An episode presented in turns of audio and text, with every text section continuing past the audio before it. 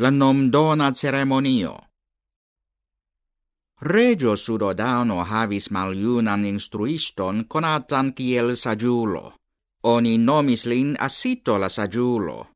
Asito vivis ermite en giangalo. Iu tage, ciam la ermito sidis meditante, li trovis che la cielanoi cantas cae danzas gioi plene.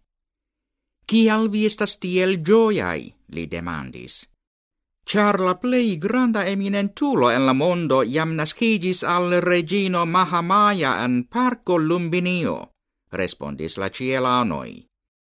Informiginte pritio, asito tui hastis alla regio, regino cae nov nascita bebo.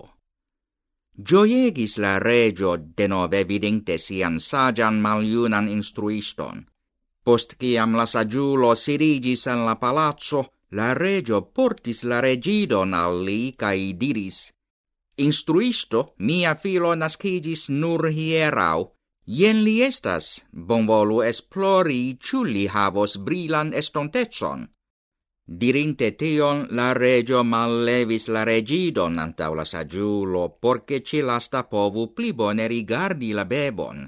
Sed la bebo movi sia siain piedoin sur la capon de la sagiulo. Surprisite assito prenis la piedoin de la regido en la manoin, cae attente examenis ilin. Rimarcinte ceocaen maculoin sur la plandoi de la regido, li starigis cae diris, La regido farigios tre granda instruisto en la mondo.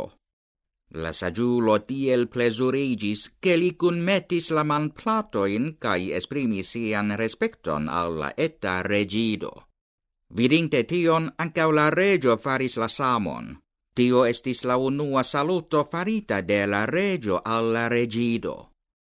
En la quina tago post la nascegio de la regido, la regio invitis quin sagiuloin alla nomdona ceremonio, cae petis ilin proponi bonan nomon por la regido.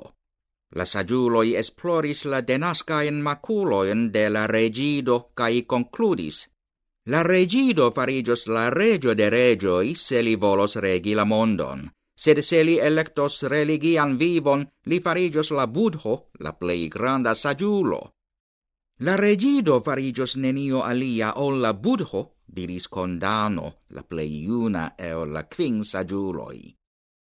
Tiam la sagiuloi nomis la regidon Sidarto, cun la signifo plenumita desiro, au tiu kiu atingis sian celon.